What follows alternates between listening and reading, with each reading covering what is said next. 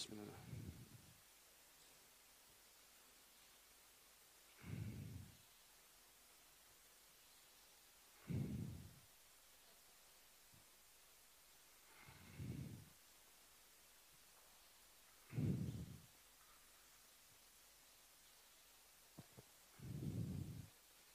بسم الله السلام عليكم ورحمة الله وبركاته. إن الحمد لله نحمده ونستعينه ونستغفره ونستهديه ونعوذ بالله من شرور أنفسنا ومن سيئات أعمالنا من يهده الله فهو المهتد ومن يضلل فلن تجد له وليا مرشدا أشهد أن لا إله إلا الله وحده لا شريك له وأشهد أن محمدا عبده ورسوله. بلغ رسالة وآدى الأمانة ونصح الأمة وتركها على محجة البيضاء. ليلها كنهارها لا يزيغ عنها إلا هالك. أما بعد. معاشر المؤمنين والمؤمنات رحمني ورحمكم الله جميعا الحمد لله kita bersyukur kepada Allah Subhanahu wa taala dengan sebanyak-banyaknya rasa syukur yang kita lakukan kita mulai hari-hari kita dengannya akan menjadikan kita semakin dekat kepada Allah Subhanahu wa taala. Bahkan perbanyaklah syukur Allah Subhanahu wa taala memberikan kita kesempatan sebagai hamba-hamba Allah yang terbaik untuk menuntut ilmu. Rasulullah Shallallahu Alaihi Wasallam mengatakan di dalam hadisnya, "Man yuridillahu bihi khairan yufaqihu fid din." Barang siapa yang Allah kehendaki kepada hambanya kebaikan, maka Allah akan fahamkan kepada mereka agamanya. Maka ini salah satu bentuk anugerah yang terbesar di pagi hari ini. Pagi yang penuh keberkahan. Allah Rasulullah SAW menjelaskan dalam hadisnya tentang pagi hari. Allah menjadikan keberkahan untuk umatku fi bukuriha di pagi harinya. Subhanallah. Ya, di waktu yang Allah berikan keberkahan, dan bahkan kita dapat menuntut ilmu. Ini anugerah yang besar. Kita kumpulkan kebaikan sebanyak-banyaknya. Salawat serta salam kepada Nabi Muhammad sallallahu alaihi wasallam. Khairal anbiya'i wal mursalin. Sebaik-baik nabi dan sebaik-baik rasul. Ma'asyiral mu'minin rahimani wa rahimakumullahu jami'ah. Dalam menjalankan kehidupan, tentunya kita ingin menjadi orang yang hidup yang terbaik, menjadi orang yang bahagia. Banyak orang mengorbankan waktunya untuk mencari kebahagiaan tersebut. Dan bahkan kita telah melewati Ramadan sudah sebulan lebih. Ya. Ketika selesai Ramadan, orang banyak mengatakan tentang hari kemenangan. Tapi banyak orang yang nggak paham. Mereka hanya mengatakan menang, menang, dan menang. Seakan-akan puasa yang mereka lewati, ada yang melihatnya sebagai sebuah beban. Mereka mengatakan bahwa sesungguhnya puasa tersebut ya akan menjadikan diri mereka ketika berhasil melewati 30 hari kemudian selesai sudah berarti saya dapat menyelesaikan terus. Tapi setelah puasa kebiasaan mereka berhenti total. kebiasaan yang dibangun di bulan Ramadan berhenti total. Ini suatu yang ironis, suatu yang kemudian apa? Yang sangat menyedihkan. Tapi kita nggak sadar kesedihan tersebut. Kita mengatakan, oh nggak apa-apa, kita kan sudah bangun di Ramadan. Maka setelahnya Allah maha tahu. Seakan-akan itu menjadi senjata setiap orang untuk membebaskan dirinya dari kewajiban. Untuk membebaskan dirinya dari amalan-amalan yang ditekankan bagi setiap muslim untuk memperbanyak amalan sunnah. Tapi perkara ini perkara yang menjadi suatu be beban. Coba perhatikan, ketika kita bicara masalah siapa sebenarnya pemenangnya, maka kita akan bahas masalah insya Allah. Bicara masalah pemenang, kita bicara masalah ketakwaan. Nanti kita akan bahas juga alasan kenapa orang yang menang orang yang bertakwa disebut orang yang menang. Ada pengertian ketakwaan, ulama mendefinisikan ketakwaan dengan definisi, definisi yang banyak. Tapi ada definisi yang sering dipakai karena indahnya definisi ini, karena bagusnya definisi ini, mencakup di dalamnya semuanya. Ya. Bahkan dalam setiap kita melakukan sesuatu ada tujuan yang kita harus menjadikan itu sebagai prioritas kita untuk mendapatkan meraih sebuah anugerah dari Allah Subhanahu wa taala yaitu ketakwaan. Lihat Talak Ibn Habib menjelaskan arti takwa. Dia mengatakan anta'mal bi ta'atillah ala nuri min Allah tarju thawab Allah. Terkadang ketika seseorang melakukan ibadah, amal soleh, terkadang ibadahnya ragu atau ngambang. Kadang-kadang cuman menjadi beban hidup. Kenapa? Karena nggak punya tujuan ibadahnya. Mereka hanya sekedar menggugurkan kewajiban, tapi nggak punya tujuan di balik ibadah itu. Nah, tujuan secara definisi, secara total disebutkan di sini. Ketika kita berbicara masalah ketaatan, dikatakan engkau melakukan ketaatan ala nuri minallah. Atas cahaya, petunjuk, ilmu. Kalau kita melakukan ketaatan sesuai ilmunya, maka kita akan merasakan nikmatnya ketaatan tersebut. Dengan tujuan mengharapkan pahala dari Allah. Coba, kalau setiap ibadah kita punya tujuan ini, setiap ketaatan mengharapkan pahala dari Allah, maka ibadah tersebut akan dinikmati setiap hambanya, bahkan mereka merasakan butuh sama ibadah itu. Dari meraih pahala ini mereka akan mendapatkan ridho Allah Subhanahu wa taala. Bahkan Rasulullah SAW menjelaskan di dalam hadisnya, Rasulullah SAW memerintahkan setiap orang untuk memperbanyak amal solehnya. Bahkan kemudian Rasulullah mengatakan tidaklah seseorang di antara kalian dapat masuk surga dengan amalnya. Maka kemudian sahabat bertanya, wala anta ya Rasulullah, wala ana. Bahkan saya pun nggak bisa. Illa ayyataghamadani Allahu birahmati wa fadlih kecuali Allah mencurahkan, memberikan kepadaku rahmatnya dan keutamaannya. Baru bisa menjadi penyebab masuk surga. Maka inilah dia. Penyebab rahmat Allah SWT ketika kita mencari pahala, mencari keriduan Allah SWT. Itu yang bisa menggapai rahmatnya. Ya. Makanya subhanallah, kenapa sholat malam yang kita lakukan lebih khusyuk daripada sholat lima waktu. Karena ketika kita sholat malam, kita punya alasan jelas di situ. Dan keyakinan bahwa sesungguhnya, oh doanya mustajab dan lain sebagainya. Tapi begitu sholat lima waktu, orang hanya sekedar apa? Menggugurkan kewajiban. Karena apa? Harapan, tujuannya nggak punya.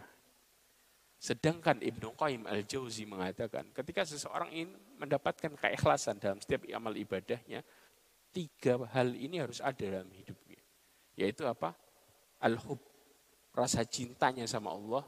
Kemudian al-khasyah, rasa takutnya sama Allah. Rasa cinta ini motivasi seseorang untuk apa? Untuk melakukan ketaatan.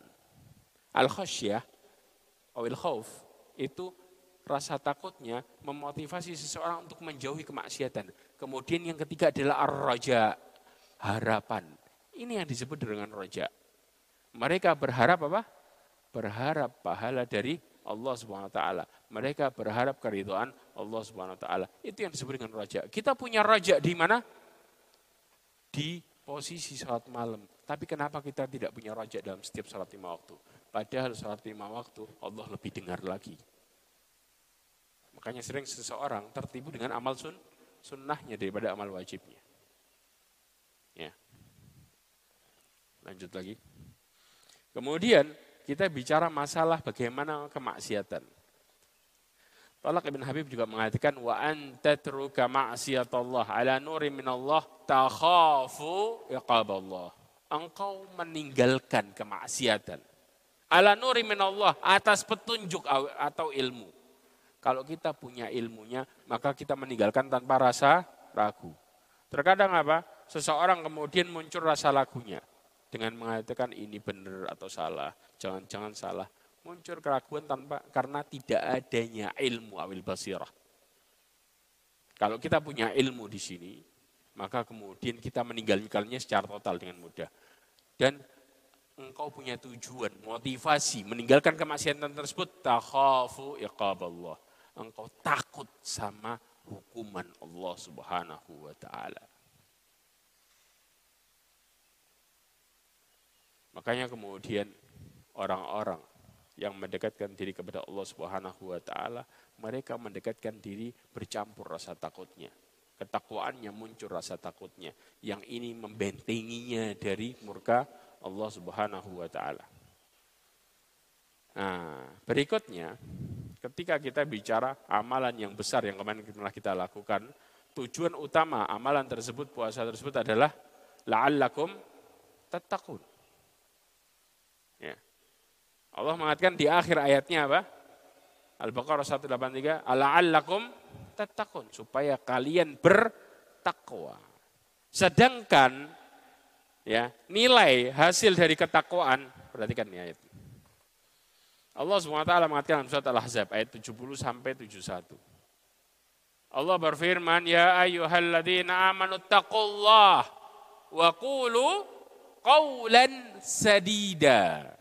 Wahai orang-orang yang beriman, bertakwalah kalian kepada Allah dan berkatalah perkataan yang benar. Yuslih lakum a'malakum wa yaghfir lakum dunubakum. Allah akan memperbaiki amal kalian. Bagaimana memperbaikinya? Dijelaskan. Ya. Kemudian wa yaghfir lakum dunubakum. Allah akan mengampuni. Mengampuni dengan cara yang dahsyat luar biasa. Kita nggak menyangka bagaimana kemudian Allah maha pemberi ampunan. Sampai Allah mengatakan ya ibadiyalladzina asrafu ala anfusihim la taqnatu rahmatillah. Di sini dijelaskan nggak ada kata terlambat. Allah mengatakan wahai hamba-hambaku yang melampaui batas kata Allah. Yang melampaui batas. Orang kalau sudah keluar jalur, apakah bisa balik? Bisa. Karena Allah memanggil mereka wahai hamba-hambaku yang melampaui batas. La taqnatu rahmatillah. Jangan kalian putus asa dari rahmat Allah. Inna Allah yaghfirud jami'a. Allah mengampuni semua dosa. Nanti kita akan paham bagaimana cara Allah mengampuni dosa tersebut. Ya.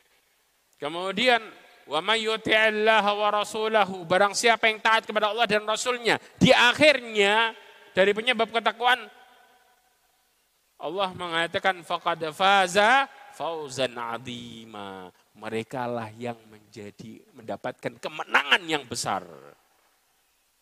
Ini intinya. Mereka yang mendapatkan kemenangan yang besar. Tadi barusan imam membaca surat Al-Lail disebutkan tentang orang yang bertakwa dapat kemenangan surga. Surga.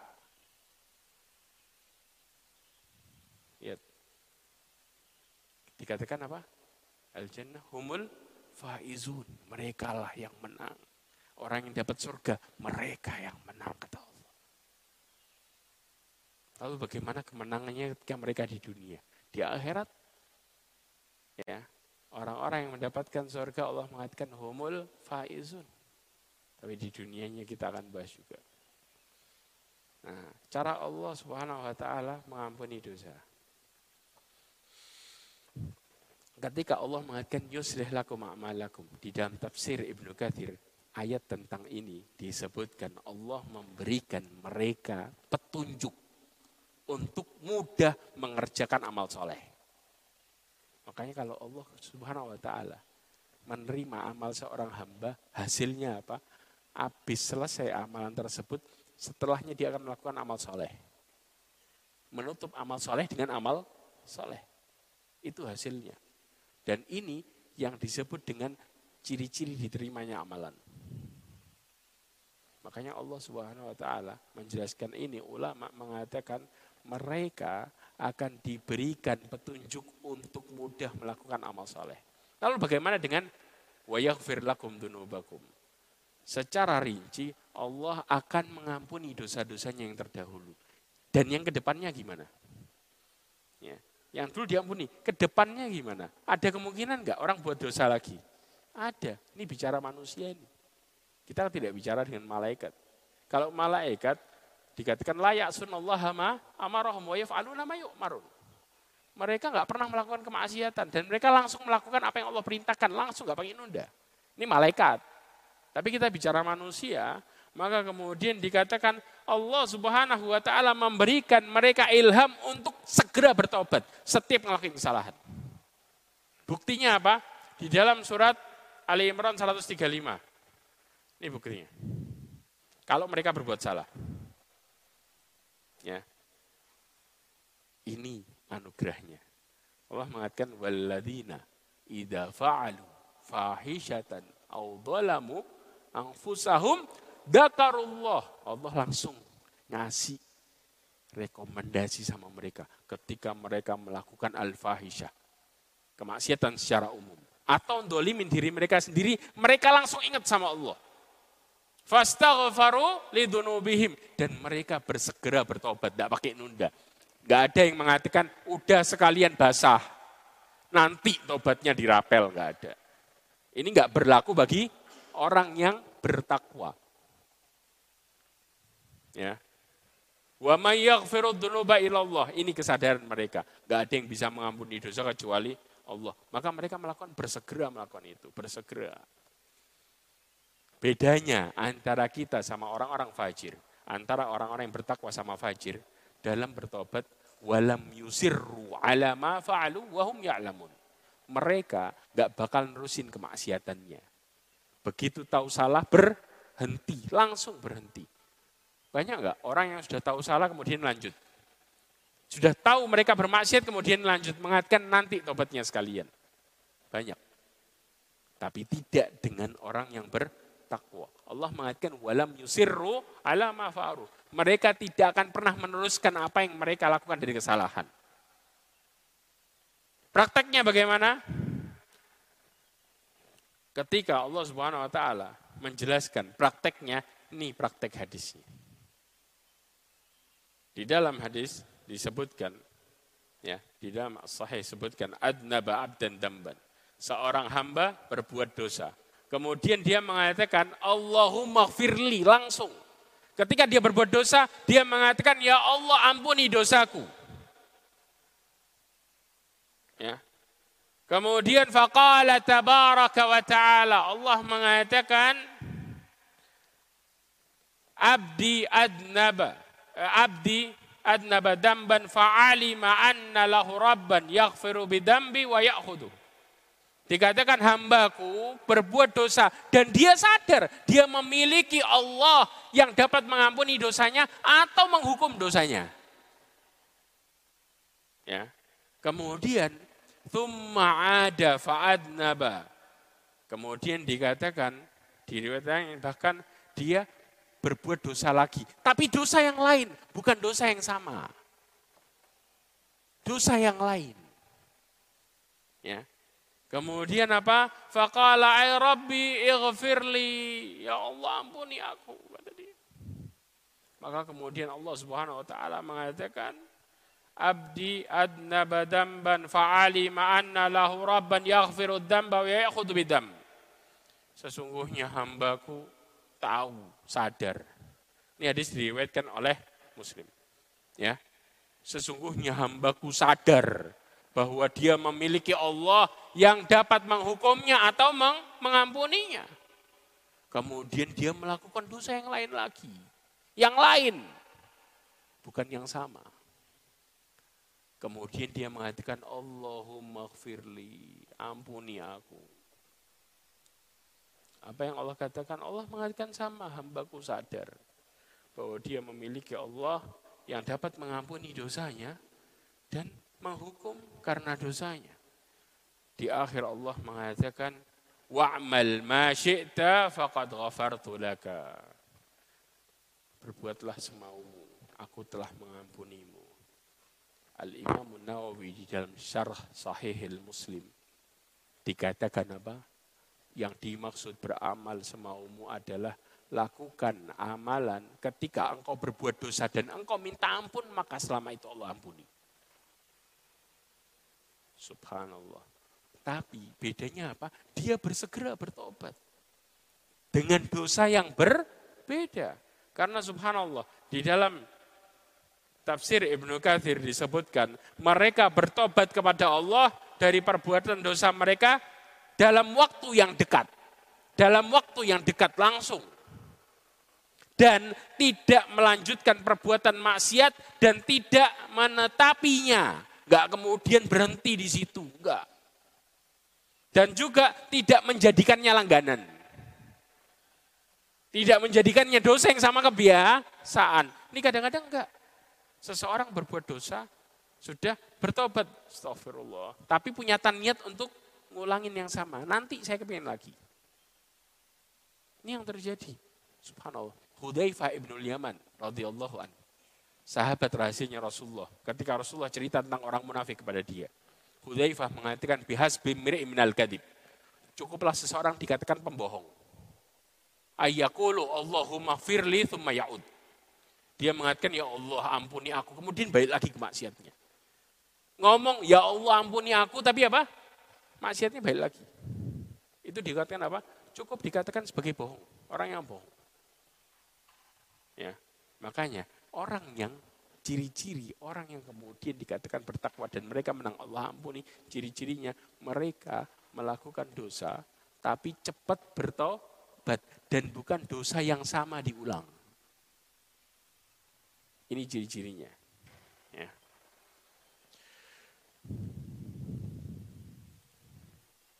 Nah, sekarang sebelum kita baca tentang bahas masalah ini, saya kepengen ngasih, coba kita berpikir sedikit tentang gambaran kehidupan. Kita bicara masalah dunia lah. Ada orang yang dia bangun usaha. Selama sebulan, subhanallah usahanya lancar. Berjalan dengan baik, dapat keuntungan kontinu. Ya, kemudian dia punya karyawan, usahanya ditinggal pun masih berjalan menghasilkan Tiba-tiba di akhir bulan dia punya teman. Mengatakan, gimana kalau kamu tinggal usahamu itu, kemudian kita jualan di pinggir jalan. Jualan keripik biasa-biasa. Kira-kira, kira-kira gimana jawaban kita? Ini usaha udah jalan, nah, luar biasa, halal usahanya. Usaha yang baik ya punya karyawan kita pun di rumah di usaha jalan sendiri tapi kata teman tinggalin tuh usaha. Kita jualan keripik di pinggir jalan. Dari mulai nol. Yang untungnya cuma seribu rupiah aja pelan-pelan ya. Mau nggak? Kira-kira gimana? Apa kata kita teman kita? Apa yang kita katakan? Kira-kira ada yang oh ya ayo. Terus kemudian karyawan dipecatin semua, saya berhenti dari semua ini. Padahal ini usaha halal. Ada yang mau kayak gitu? Ada yang mau? Pasti kita mengatakan, kalau orang punya akal sehat gak bakal mau Ustaz. Kalau punya akal sehat, kita bisa bicara tentang itu, tentang dunia. Tapi kenapa kita tidak bicara itu tentang akhirat? Ketika puasa kita bangun sebulan penuh. Dengan ketaatan yang kita bangun dari nol. Kita mulai menata hati untuk membiasakan diri qiyamul lail. Kita mulai menata hati untuk membiasakan diri puasa di bulan Ramadan. Kita membiasakan diri untuk berbagi dan banyak amalan-amalan yang lainnya kita bangun dari nol. Begitu kita istiqomah di luar bulan Ramadan, hari pertama kita berhenti total. Kayak orang ngancurin kayak tadi. Kenapa tadi kita nggak mau tapi giliran pada waktu keluar Ramadan kita mau dengan diajak teman, sudah nanti bisa ditunda yang lainnya. Allah maha tahu kok. Libur aja dulu hari ini. Dia mulainya libur semua. Katanya. Ini kan Ramadan, waktunya senang-senang. Kenapa kita bisa mengatakan iya tentang ibadah, tapi bisa mengatakan tidak tentang yang aneh. Padahal di saat istiqomah kita merasakan nikmatnya hari-hari kita. Mengatakan saya kepingin ketemu Ramadan lagi. Kita bisa menjadikan hari-hari kita seperti Ramadan nikmatnya. Tapi dengan syarat kita harus istiqomah juga seperti di bulan Ramadan. Kita bangun istiqomah tersebut. Makanya subhanallah Ibnu Rajab Al-Hambali mengatakan apa? Dahulu para salaf ketika mereka bulan Ramadan keluar darinya, keluar dari bulan Ramadan, mereka berdoa enam bulan setelahnya untuk diterima Ramadannya. Enam bulan. Coba kita bisa bayangin enggak? Bagaimana kemudian mereka, apakah kemudian ketika mereka berdoa untuk diterima, kemudian mereka berhenti dari kebiasaan tersebut? Jawabannya enggak. Makanya kemudian Rasulullah memotivasi juga untuk kebiasaan kita enggak berhenti. Dikatakan, man sama Ramadan ma'adba syiddati min syawal karena kesamat dahar. Supaya kebiasaan kita terus kemudian menjadi istiqomah dan membangun diri kita menjadi hamba yang bertakwa. Yang Allah janjikan kepada mereka kebahagiaan yang sebenarnya. Lihat fasilitas yang kita bangun di dunia yang disebut katanya sukses. Coba sama fasilitas yang Allah kasih. Bagaimana fasilitas yang Allah kasih? Kita lihat satu-satu. Yang pertama kita bicara cinta Allah SWT. Allah Subhanahu wa taala berfirman ya, di dalam surat Ali Imran ayat 76. Allah SWT berfirman, "Bala man aufa bi ahdihi wattaqa, fa Allah yuhibbul muttaqin." Barang siapa yang menepati janjinya yang dibuatnya. Kenapa Allah katakan janjinya yang dibuatnya? Bukankah kita pernah berjanji sama Allah? Kapan itu? Di alam roh. Makanya kemudian dikatakan dalam hadis Rasulullah kullu mauludin yuladu al fitrah. Setiap bayi yang lahir mereka dilahirkan suci, bersih. Fa'abawahu yuhawidani au yunasirani au yumajisani. Orang tuanya yang menjadikan Yahudi, Majusi atau Nasrani. Makanya kemudian ketika di dalam roh Allah bertanya sama roh semuanya. Allah mengatakan alastu birabbikum qalu bala. Bukankah aku Tuhan kalian? Kita punya perjanjian di sini. Ketika Allah Subhanahu wa taala menurunkan Nabi Adam. Allah Subhanahu wa taala berfirman, "Fa imma ya'tiyannakum minni huda perjanjian di sini.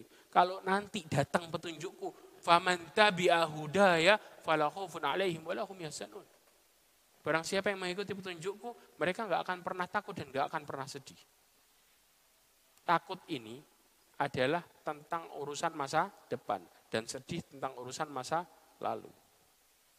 Sampai dalam tafsir Ibnu Katsir disebutkan tentang perkara itu. Kita punya perjanjian, orang yang menepati janjinya sebagai orang yang Allah perintahkan mereka untuk bertakwa. Kalau mereka menepati janjinya, ya, kemudian mereka menjadi orang-orang yang bertakwa, maka Allah akan berikan mereka cintanya. Kita sudah pernah bahas. Kalau cinta, kalau Allah sudah cinta, hasilnya gimana? Rasulullah SAW mengatakan di dalam hadis yang diriwayatkan oleh Bukhari. Dikatakan, man adali waliyan faqad adantuhu birharb. Allah mengawali hadis ini dengan mengatakan, barang siapa yang memusuhi kekasihku, maka aku akan mengumumkan perang sama dia. Aku akan mengumumkan perang sama dia. Bayangin, yang ngajak perang Allah langsung. Gak tanggung-tanggung. Tapi ciri-ciri kekasihnya apa? Nah ini dia. Mereka nggak tertipu dengan amalan sunnah. Memulai ini dengan amalan yang wajib. Maka dikatakan wa ma taqarraba ilayya abdi bi syai'in ahabbu ilayya mimma aftaratuhu alaih. Pertama poin pertama Ya, yang disebut kekasih Allah, tidaklah hambaku mendekatkan diri kepadaku kecuali dengan amalnya aku wajibkan kepadanya. Wajibkan, berarti prioritas pertama apa? Wajib dulu, wajib dulu seriusi. Sampai dikatakan gak akan pernah amalan sunnah diterima sebelum amalan wajibnya diperbaiki. Sunnah ini sebagai apa? Penambal. Ini enggak sunnahnya dikencengin, wajibnya maju mundur. Ya. Kemudian wa ma yazalu abdi yataqarraba ilayya bin nawafil hatta uhibbu dan hambaku masih masih mendekatkan diri kepadaku dengan amalan sunnah yang aku anjurkan kepada mereka sampai aku tambah cinta, tambah cinta. Kalau sudah aku cinta, tadi malam kita sudah bahas, aku akan menjadi pendengaran baginya. Dan aku akan menjadi penglihatan baginya. Aku akan menjadi tangan baginya. Dan aku akan menjadi langkah kaki baginya. Kemudian wa in sa'alani la'utiyanna. Kalau dia minta kepadaku pasti aku akan beri. Walain ista'adani. Kalau kemudian dia minta tolong kepadaku pasti aku akan tolong mereka. Ini fasilitas baru cinta. Satu. Cinta. Ulama mengatakan tentang masalah takwa di dalam Quran disebutin 11 lebih keutamaannya. Lebih. Bahkan banyak ulama yang kemudian membuat satu buku khusus untuk buat masalah takwa doang. Isinya masalah takwa tok. Bayangin. Yang kedua, kita selama ini kebingungan takut masalah rizki, Allah jawab tuh. Rizkinya. Ya. Wa may yattaqillaha yaj'al lahu makhraja. Mereka diberikan jalan jalan keluar. Kita ini kadang-kadang ketakutan tentang masalah hidup kita. Allah kasih jalan keluar. Setiap masalahnya Allah kasih solusinya nggak pakai lama. Dan Allah kasih juga rizkinya dari jalan yang tidak disangka-sangka. Ibnu Kathir mengatakan barang siapa yang bertakwa kepada Allah dalam semua apa yang diperintahkan kepadanya, meninggalkan semua apa yang dilarang kepadanya, maka Allah akan menjadikan baginya jalan keluar dari urusannya. Tapi dengan syarat itu tadi, mereka yang menang dapat fasilitas ini. Fasilitas yang dahsyat, yang kita harapin, kita rela untuk kerja siang malam buat dapetin ini juga. Tapi kita nggak sadar kerja kita. Coba ulama-ulama terdahulu, ya Oke lah, kita belajar dari burung. Ya. Rasulullah SAW mengatakan dalam hadisnya kata Rasulullah, "Wa may yatawakkal 'ala Allahi haqqa tawakkulih la razaqahum kama yarzuqut thair." Takhudhu himasan wa tarahu bitanan. Barang siapa yang bertawakal kepada Allah dengan sebenar-benar tawakal, mereka akan diberikan rezeki seperti rezekinya burung. Berangkat dalam keadaan perut kosong, pulang dalam keadaan perut kenyang. Pertanyaannya, burung berangkat dari sarangnya jam berapa? Hmm? Habis subuh. Ada burung sebelum subuh. Tapi berapa banyak orang berangkat kerja sebelum subuh? Kejar target, takut dimarahi, takut ini dan itu. Subuhnya ma'asalamah kadang-kadang. Hilang begitu aja. Naudzubillah Pulang dalam keadaan perut kenyang. Jam berapa pulang? Sebelum maghrib. Manusia pulang jam berapa? Jam 10, 11. Burung jaminan. Pertanyaannya, burung berangkat tahu nggak ke mana tujuannya? Oh, saya mau nyari di tempat A. Ada burung kayak gitu. Gak ketemu. Mereka punya keyakinan Allah akan ngasih rezeki hari itu. Maka burung pun ikhtiar. Dapat tiap hari. Burung diciptakan buat siapa? Buat manusia. Allah mengatakan huwallazi khalaqalakum ma fil ardi jami'a. Dialah yang menciptakan semua yang ada di bumi buat siapa? Manusia.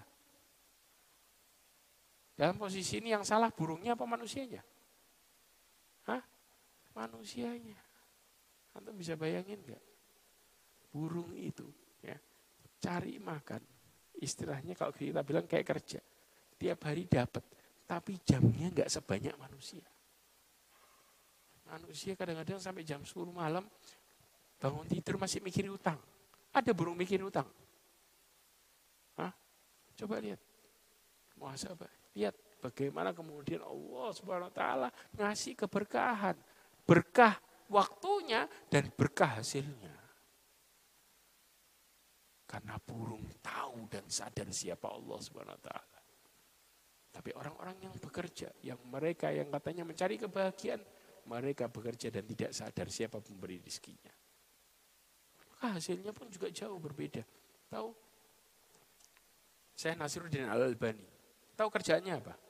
Tukang reparasi jam. Sehari kerja cuma tiga jam. Kita mikir, zaman sekarang tiga jam dapat apa Ustaz? Pertanyaannya, apakah kemudian kita salahin zamannya? Apa manusianya? Manusianya berubah. Jangan pernah salahkan zaman. Sampai dikatakan la tasubud dahar. Rasulullah mengatakan apa? Jangan kalian hina zaman. Manusianya yang berubah. Zaman nggak pernah salah. Makanya lihat hasilnya. Kalau Allah sudah cinta, ya Allah kemudian melihat hambanya bertakwa, diberikan jalan keluarnya pun ajaib kerjanya nggak terlalu banyak, tapi Allah berikan hasilnya dahsyat. Ini yang terjadi. Paham ya? Lanjut. Keberkahan. Ini tadi. Lihat bagaimana kemudian Allah SWT memberikan keberkahan. Ya. Allah mengatakan walau anna ahlal qura amanu wattaqau. Kalau seandainya suatu penduduk negeri Saya ingin kisahkan dikit tentang masalah ini. Penduduk negeri yang disebut di sini. Ya.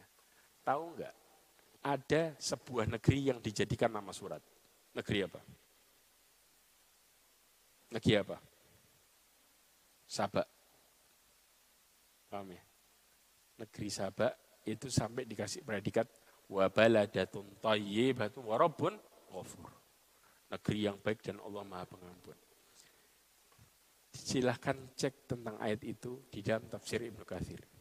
Disebutkan pada waktu negeri itu makmur dikatakan ketika mereka mau panen buah, mau panen buah, itu mereka tinggal naruh keranjang di kepalanya, kemudian masuk ke kebun. Buah yang matang jatuh pas di keranjang. Begitu penuh, ditaruh keranjang lagi, jalan. Ada nggak alat kayak gitu? Ditaruh, jatuh pas tek tek tek tek penuh taruh lagi. Di saat itu cuacanya nggak buat nggak dingin banget dan nggak panas. Cuacanya benar-benar nikmat di kulit dan nggak ada satupun binatang pengganggu. Nggak ada nyamuk, nggak ada tikus, nggak ada apa. Antum bisa bayangin kalau orang tinggal di negeri kayak gitu mereka bakal ngomong apa? Surga dunia belum masuk surga, sudah dikasih kayak surga. Ada yang susah nggak tuh di negeri itu? Kalau kita bayangin. Ada yang susah nggak? Kenapa? Karena ini rahasianya. Allah mengatakan walau anna ahlal qura amanu wattaqau. Kalau seandainya penduduk sebuah negeri mereka beriman dan bertakwa, la fatahna alaihim. Kami pasti, Allah memulai dengan lam takkid. Kami pasti akan membukakan bagi mereka barakat. Barakat itu satu atau banyak? Banyak. Banyak keberkahan. Dari langit dan bumi. Dikasih dari berbagai penjuru. Tapi Allah mengatakan apa? Walakin kadzabu. Tapi kebanyakan mendustakannya, diingkari. Sudah dikasih nikmat masih ngomong apa? Tapi saya kan belum dapat itu. Saya belum dapat ini. Subhanallah. Imam Nawawi menjelaskan ya mangkana talibun li ziyada falaysa ghina fama bima ma'ah barang siapa yang dia minta tambah tambah tambah dan gak cukup sama apa yang dia punya itu bukan orang kaya katanya itu orang miskin yang sebenarnya orang yang kayak gitu dia punya banyak sesuatu. Orang-orang sekitarnya mengatakan, oh itu orang kaya, enak ya mau apa tinggal ngomong. Tapi dia bukan orang kaya. Kenapa?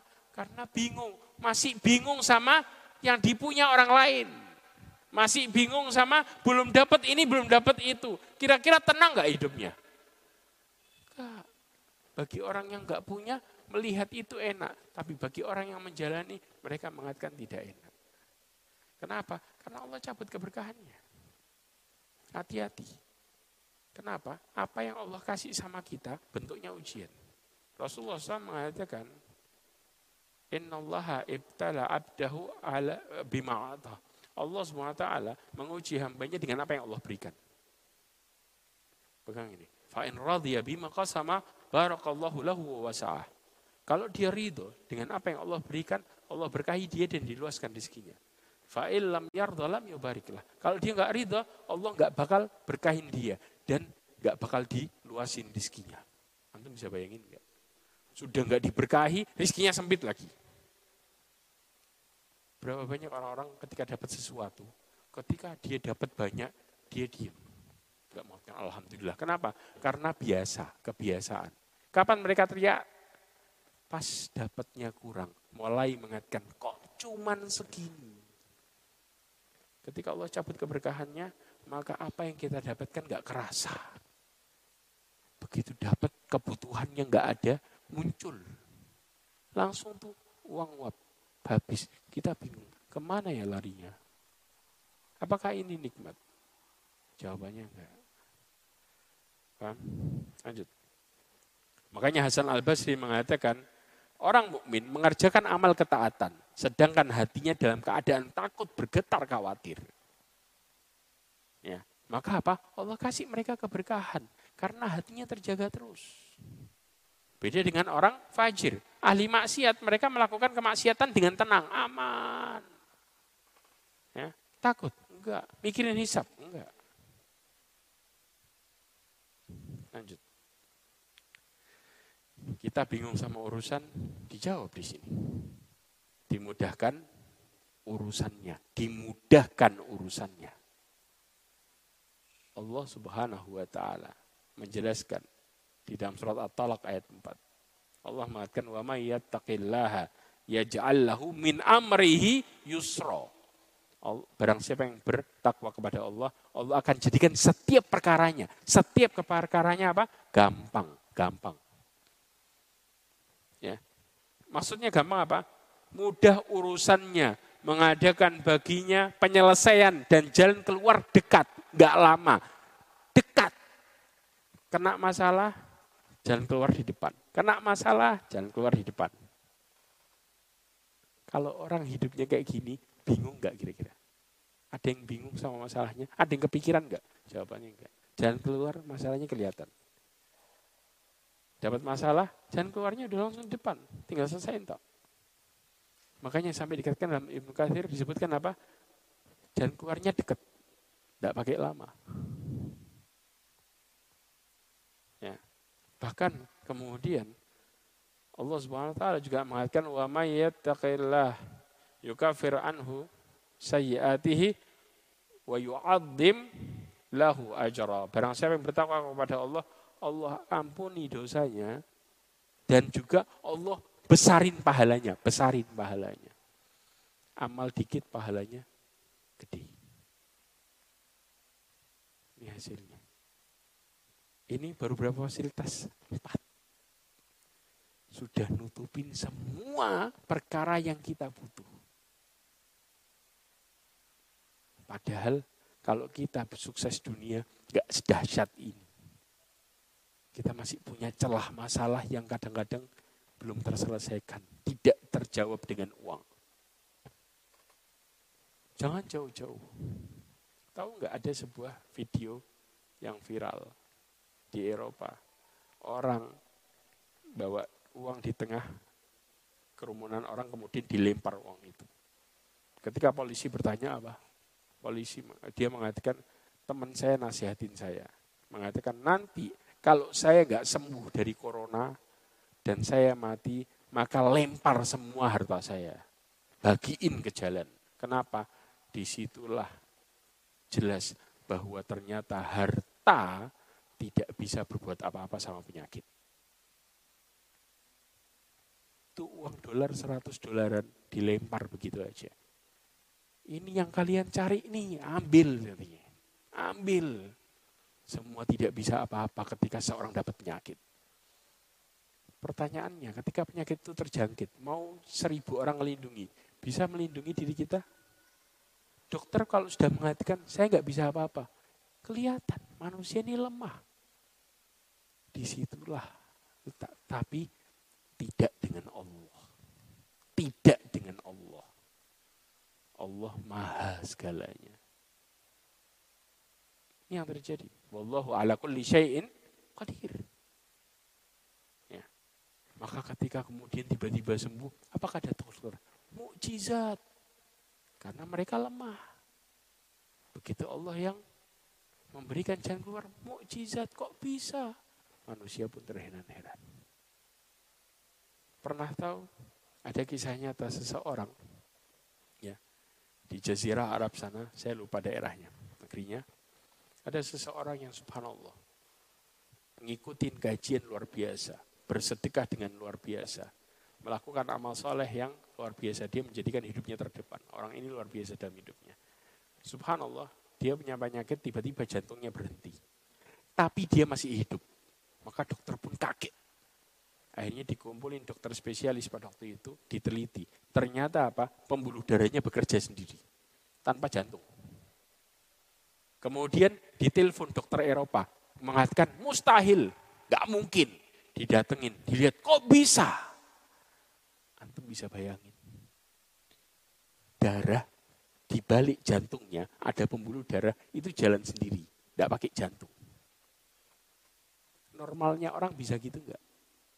Orang dokter mengatakan nggak mungkin, tidak mungkin. Tapi tidak ada yang nggak mungkin di mata Allah SWT. Ini yang dimaksud apa? Allah Subhanahu wa taala memberikan kemudahan sampai sedetail itu. Subhanallah.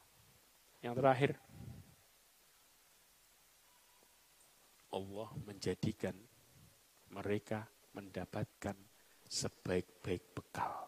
Bekal apa? Bekal hidup dunia dan akhirat.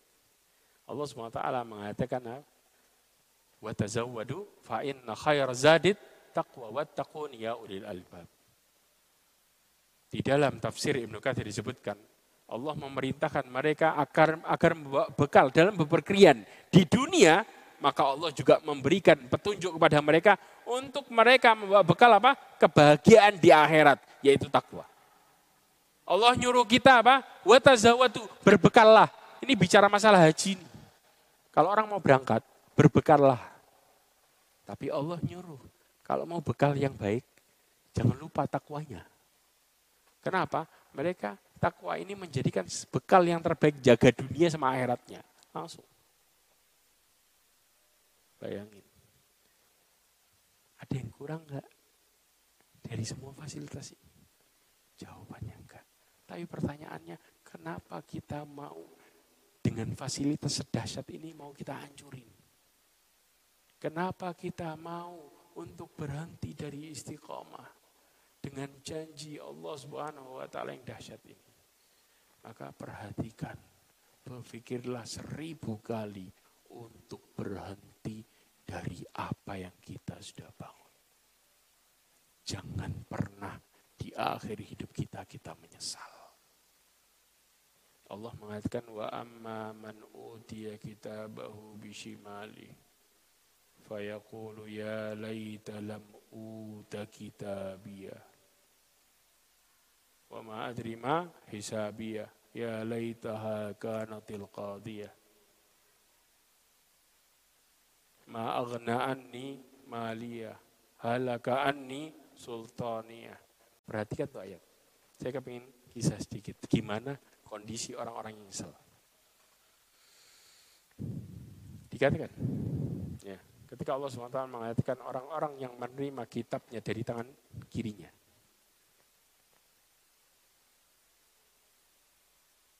Mereka mengatakan, seandainya saya nggak menerima kitab ini. Seandainya kematian menyudahi semuanya. Seandainya tidak ada hisap. Ketika mereka menyesal itu, mereka mengatakan apa? Hartaku, hartaku tidak bisa membelaku. Halakani sultaniyah. Kekuasaanku hancur. Orang yang dulunya dekat sama dia gara-gara dia berkuasa. Semuanya menjauh. Mikirin diri masing-masing. Ingat. Sebesar apa pun pengorbanan kita antar sesama manusia. Ujung-ujungnya kita bakal sendiri. Sebesar apa pun, apa yang kita lakukan pengorbanan sebesar apa pun sama manusia, dan sebaik apa pun kepada mereka semua, kita bakal sendiri. Kita bakal mikirin diri kita sendiri. Masuk ke kubur, kita sendirian. Siapa yang setia? Amalan kita yang kadang kita kita sia-siakan. Itu yang setia nemenin terus. Yang lainnya pulang. Gak akan pernah seorang suami meninggal, istrinya masuk kuburan ikut. Gak. Walaupun orang kadang-kadang mengatakan saya ingin sehidup semati. Tapi begitu kemudian meninggal gak akan pernah semati. Kadang-kadang istri akan mengatakan silahkan mati sendiri saya mau hidup dulu. Kadang itu yang terjadi. Maka kita harus mempersiapkan hari itu. Ketika Allah SWT melihat hambanya tadi menyesal. Dengan rintihan yang sangat dahsyat hatinya hancur. Allah mengatakan apa? Khuduhu faghullu. Khuduhu faghullu. Pegang dia erat-erat, ikat. Fudail ibn Iyad mentafsirkan kata-kata khuduhu faghullu. Dikatakan nanti akan ada 70 ribu malaikat ketika Allah perintahkan itu 70 ribu malaikat berebut siapa yang pertama kali dapat lehernya. Dapat lehernya buat diikat.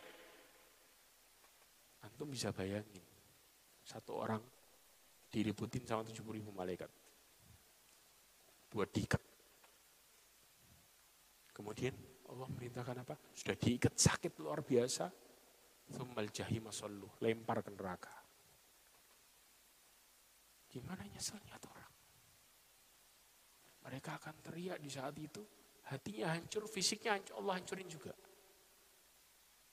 Ini yang terjadi.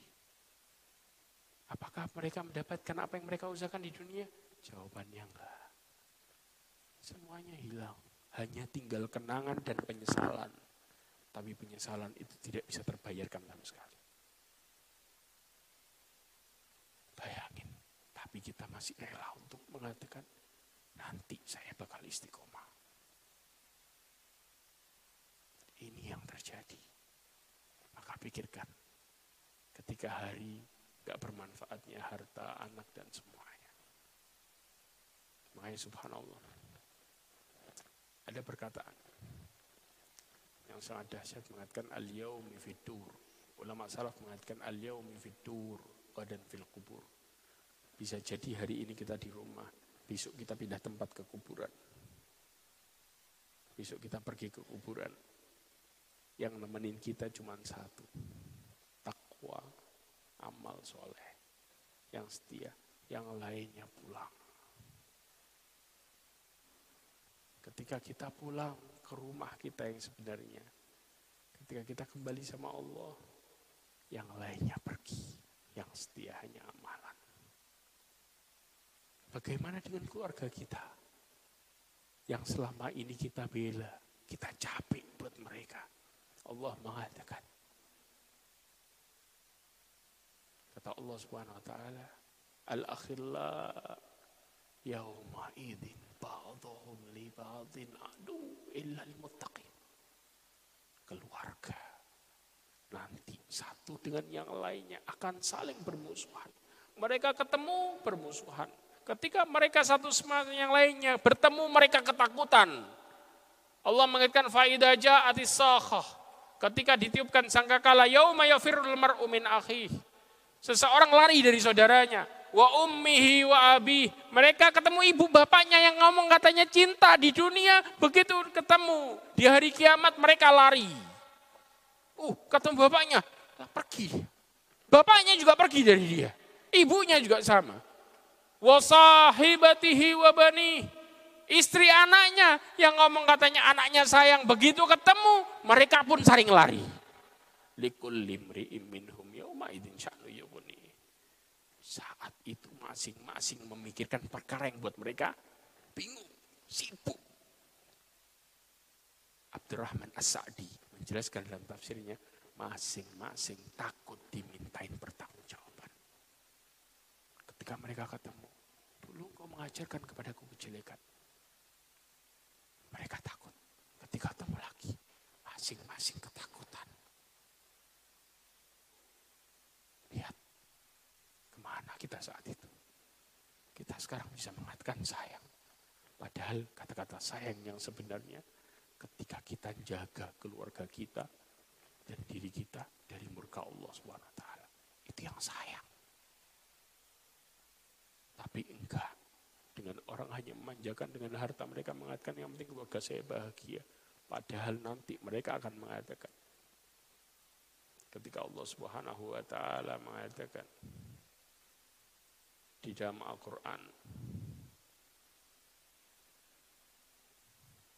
ketika orang-orang yang terakhir masuk ke dalam neraka, mereka mengatakan apa?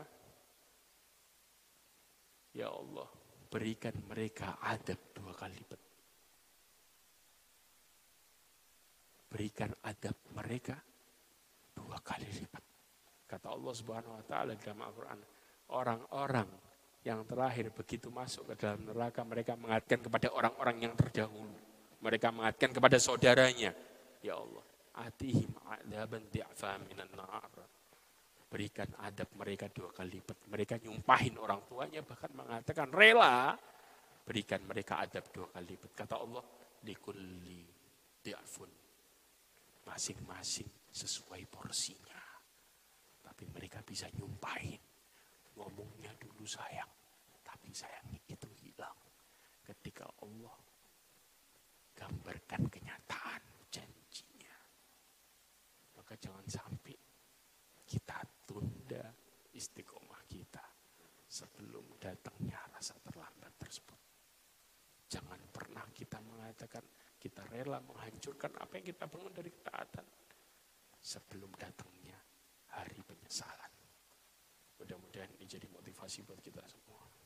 Mudah-mudahan Allah SWT dengan semua ini Allah berikan kita istiqomah Mudah-mudahan Allah Subhanahu wa taala jauhkan diri kita dan keluarga kita dari murka Allah Subhanahu wa taala.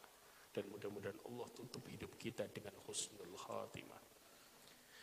Ini yang bisa saya sampaikan kurang lebihnya mohon maaf subhanakallahumma wa bihamdika asyhadu an la ilaha illa anta astaghfiruka wa atubu ilaik. Assalamualaikum warahmatullahi wabarakatuh.